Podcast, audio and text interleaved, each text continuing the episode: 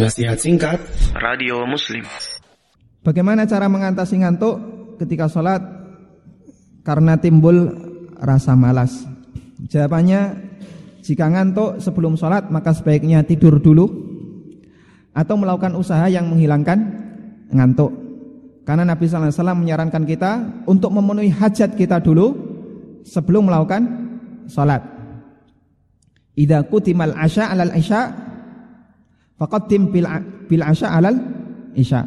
Apabila makanan sudah dihidangkan sementara waktu sholat isya datang, makan dulu baru sholat isya. Kemudian Nabi SAW juga melarang orang yang sholat dalam kondisi menahan menahan buang hajat.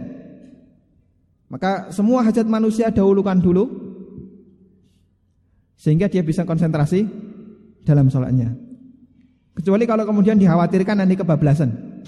Ini kalau saya tidur dulu nggak ada jaminan bangun, nggak ada temannya yang lain yang bisa membangunkan. Kemudian kalaupun dikasih waker biasanya juga ndablek. Maka kalau seperti ini keadaannya dia bisa melakukan usaha yang lain selain tidur.